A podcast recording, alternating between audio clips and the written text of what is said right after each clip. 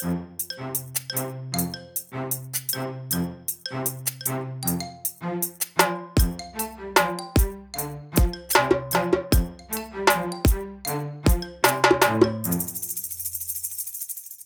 tillbaka till Stacken. Jag, Daniel Gustafsson, tillsammans med Kim Hindart. Hubba. Idag Kim, ska vi prata cybersäkerhet. Ja. Lite utbildande forum tänkte vi. Allmänt bara så. Senaste rön. Ja, jag tänkte läsa, prata lite om de senaste rapporterna som har kommit bland annat om hur sker data breaches. Här är det en ganska stor studie som har gjorts över väldigt många bolag. Och då har de studerat bolag som vet om hur fick de ett dataintrång? Var kom det ifrån? Och vad är de vanligaste källorna? Vad är de vanligaste sakerna? Och vad kan man göra ganska enkelt ändå? Om man är medveten om att tänka på det här. Som hindrar det här väldigt mycket. Så, till att börja med. Lösenordsforceringar har i praktiken försvunnit om du slår på tvåfaktorautentisering, någonstans multifaktor. Så det finns i alla tjänster idag nästan multifaktor som standard. Använd det. Så försvinner lösenordsforcering. Det är jättebra. Bra råd. Så att det, tips ett. Kolla att det finns multifaktor, använd det. Finns det inte multifaktor, använd inte den tjänsten. Nej, men lite så här, Mm. krasst, använd inte den tjänsten. Slå på multifaktor, använd den. Använd inte tjänster på nätet som inte tillåter det. Sen så, om man tittar statistiskt då, vad var det vanligaste sättet, intrångsvägen som kom? Precis. Hur kommer de in då? Hur kommer de in? Absolut vanligast generellt, ett large. Och det här varierar lite från land till land, vilket också är intressant. Men absolut vanligast var någonting skräp in via mailen. Vi har ju svårt, vi kan inte bara blocka mail helt och hållet. Alla idag har vi ju exponerat för spam-mail.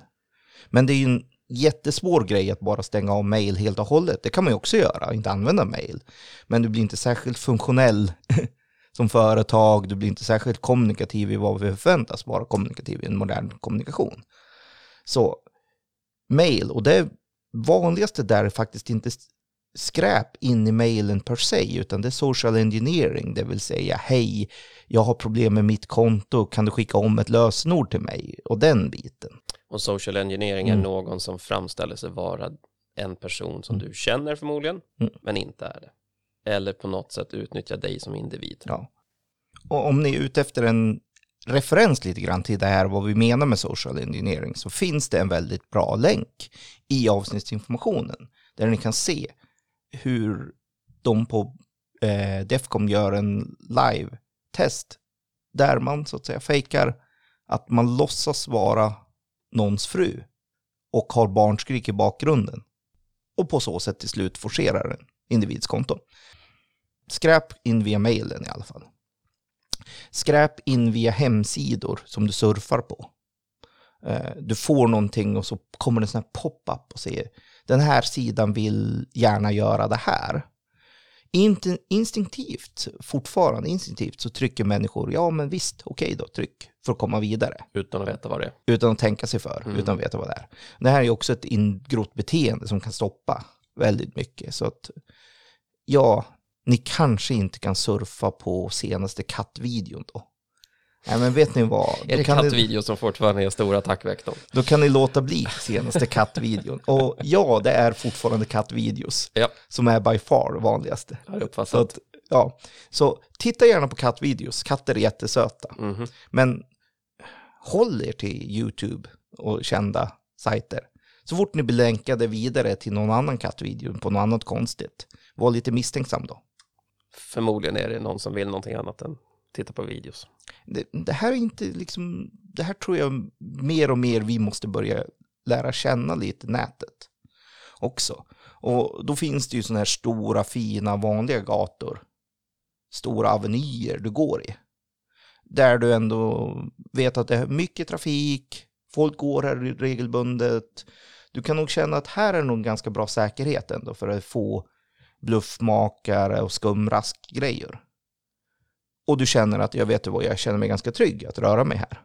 Och så finns det i alla orter bakgator, små gränder och sånt. Där du helt plötsligt känner att det här känns väldigt obehagligt. Området känns väldigt olustigt. Figurerna som rör sig här känns inte alls Jag tror att alla kan nog identifiera den känslan. Det är viktigt att vi börjar lära oss att identifiera samma känsla på nätet när vi surfar.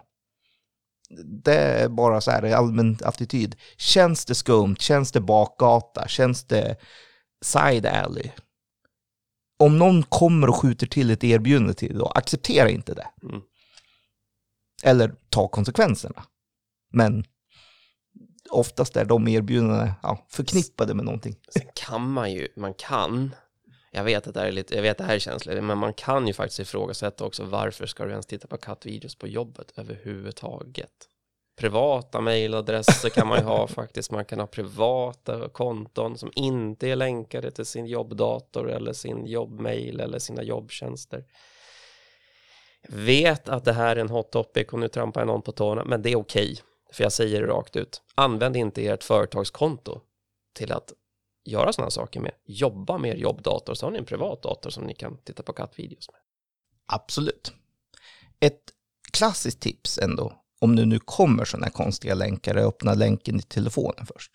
För att det är mycket, mycket större risk att det blir något skräp i datorn. För allt sånt här är mycket mer anpassat för en dator fortfarande idag. Just. Telefonen är ett utmärkt slaskfilter. Det är mycket bättre att en telefon går sönder eller blir hackad eller, eller, eller hackad nu, nu sa jag fel. Mm. Men att den blir, att du använder den precis som du säger, som någon sann, sann, ja, kaffefilter mot din egen, mot din egen kommunikation på den vänster. Så har du skumma saker du får i din mail eller är det en skum sida du vill öppna? Telefonen är ett bra sanitetscheck för att se vad är det som händer där. Företagsdatorn inte nödvändigtvis bästa sättet. Så, ja. Vad, vilka mer attack, attackvektorer har vi då? Vad kommer man åt? Mer information? Tekniska sårbarheter. Mm. Och det är ganska enkelt, patcha i tid. Just. Och här är det tillbaka till, ja det kanske är jobbigt och drygt, men när en uppdatering kommer så finns det ett skäl till det. Mm. Uppdatera. Gäller både din laptop och din server Och din telefon. och din telefon. Glöm inte er router hemma, för den blir jättegärna bortglömd. Jag förstår varför, men Mm. Det här är, och ja, det här är en knepig grej. Oj, vad dålig disciplin vi har på att Mm. göra det, men eh, det är bara någonting som vi får börja lära oss. Det är en obekväm grej, men efter ett tag så sitter det. Lite som säkerhetsbälten var i början att Mm. använda. Lite som så här, så att håll era grejer uppdaterade. Men är det inte ett problem då att det är många som tycker att det är jobbigt att uppdatera och man har tjänster som inte får gå ner och, och det är ju jättestökigt att hålla på med det där. Absolut, men det blir ännu stökigare i efterhand när det visar sig att du har så att säga blivit ägd, som trendspråket heter. Och du ska förklara för alla miljontals kunder du har att ja, er information är inte säker längre. Och, ja, den blir jobbigare. Och speciellt nu med GDPR har gått in och faktiskt börja ha lite böter och döma ut lite saker här som vi ser. Så kommer det att bli väldigt jobbigt och inte tala om ditt förtroende Mm. om det är i IT-branschen. Ditt förtroende är ganska, är en stor värde idag.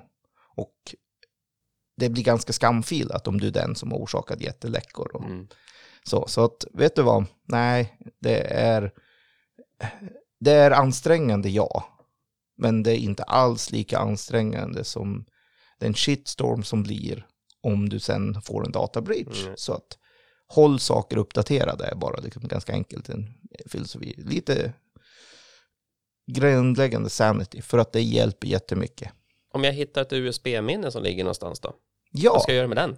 då brukar jag jämföra det med att om du hittar en Snickers halväten på gatan, skulle du ta upp den och äta klart då? Förmodligen inte. Nej, förmodligen skulle folk tycka det är ganska gick, icky om du hittar så här. Men om det är någonting okänt som ni inte känner till, använd inte den i datorn. Till och med när vi köper frukt så brukar vi ha lära oss att man sköljer frukten före man äter den. Men rapporten säger väl Kim att just USB-minnen eller andra typ externa lagringsenheter som man hittar. Mm-mm.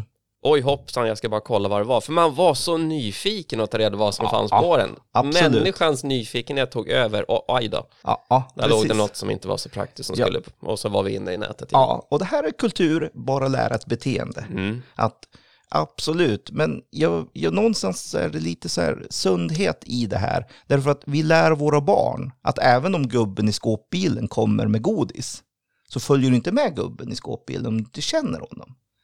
Om du inte vet var USB-minnet kommer ifrån så vet du inte vad det är. Nej, men då behöver du inte alltid, alltid kolla det. Du ska vara lite misstänksam. Så tips från oss, var, hur nyfiken den är, lämna den till din närmsta IT-tekniker, administratör Mm. eller säkerhetsadmin eller vad, vem som än är IT-gruppen på företaget. Lämna den till dem, de kan kolla och så kan de berätta sen om det var något kul. Precis, så kan de se det. Mm. Men om du hittar någonting okänt, Men det vi egentligen vill poängtera här är att, att hacka en brandvägg idag och en infrastruktur idag är svårt. Och framförallt måste man vara ganska smart och du måste ha ganska så eh, kluriga verktyg för att komma in. Det händer med, med jämna mellanrum, missförstå oss rätt.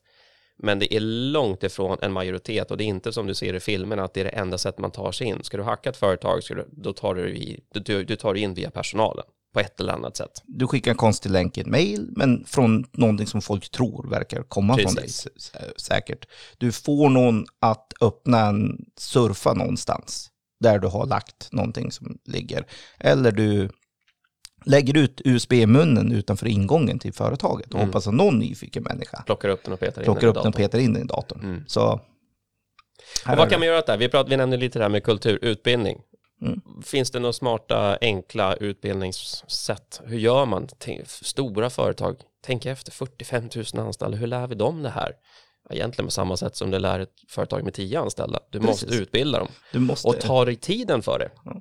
Och då finns det ju antingen kan man köra webbutbildningar eller man kan göra hands-on-utbildningar, men att du har något program som faktiskt föder det beteende du vill ha. Så att om du lyssnar på det här och du är antingen CSO eller du jobbar med någon säkerhetsavdelning eller du jobbar på en IT-avdelning och så är du lite upprörd över det allmänna att vi gör inte som vi borde, vi har lite för mycket problem med, med vår personal det handlar 100% om beteenden som måste förändras. Och då är vi inne på sluta röka-konceptet. Det är stökigt och det kommer ta tid, men du, du måste ta dig igenom programmet som gör att du kommer fram till målet. Så får du inte ett önskat resultat, då är det förändring av ditt beteende som måste åt. Och det är utbildning vi pratar om. Här måste man ta sig tiden och jag tror att det är där vi brister till största del på för många ställen idag. Vi hoppas alldeles för mycket på tekniska briljanta lösningar som ska rädda oss i alla lägen. Och saker blir oanvändbara om de blir tekniskt supersäkra. Jag kan göra en dator garanterat fantastiskt säker. Du kommer aldrig kunna använda den till någonting vettigt. Det går ju att stänga ner fullständigt. Men du, den är jättesäker. Men här måste man ändå, så fort man har en människa som ska interagera med någon form av teknologi, ändå säga att du kan inte blint lita 100% på teknik heller. Du måste någonstans börja kravkräva sunt förnuft från människan också. Mm. Då måste du någonstans etablera någon form av trafikvett, någon form av standard som du jobbar efter. Men då är det utbildning vi Mm. pratar om, precis som du sa, vi, vi, vi går till bilskola för att lära oss att köra bil för att få trafikvett och det här är samma sak. Det är ett beteende. Så ett utbildningsprogram, ta er tiden, inte ge upp för att någon tyckte det var jobbigt eller någon tyckte det var hemskt. Kanske ha anpassade regler beroende på vilken gruppering du pratar med. Alla måste inte vara supersäkra och nå alla mm, kanske kan leva med en annan förutsättning. Men du måste etablera det programmet. Och här har vi fått en fråga många gånger. Ja, men hur gör man? Man etablerar det beteende man vill ha, man lär ut det och sen så nöter man det och nöter man det och nöter man det tills det sitter. Precis som man lär sig glosor i skolan.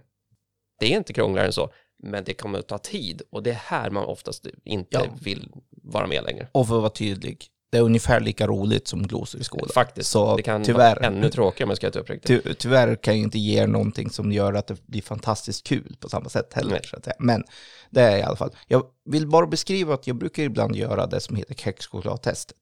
Jag går med en kartong kexchoklad in på ett företag och så ger jag en kexchoklad till en person och säger om jag får ditt lösenord du har till din dator så får du en kexchoklad av mig. Jag har alltid lyckats i slutändan nå full administrativ access till hela systemen där inne på de företagen. Det har aldrig gått fel. Nej, det är faktiskt, nej, det är faktiskt lite jobbigt hur, hur effektivt det har varit. Men det, fick, det, det poängterar den poäng vi vill komma åt. Mm.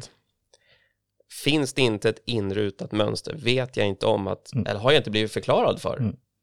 att det här är inte, tacka inte ja till den här chokladbiten. Och framförallt oberoende om det är chokladbit eller något annat erbjudande ska vara tydlig. Mm. Gå till ditt företag först. De kan förmodligen ge ett bättre, en bättre deal Mm. än vad personen på gatan eller han Yes. med kexchokladen Ja. kan göra. Och precis som vi har lärt små barn, följ inte med konstiga gubbar som ger dig godis bara för att de ger dig godis.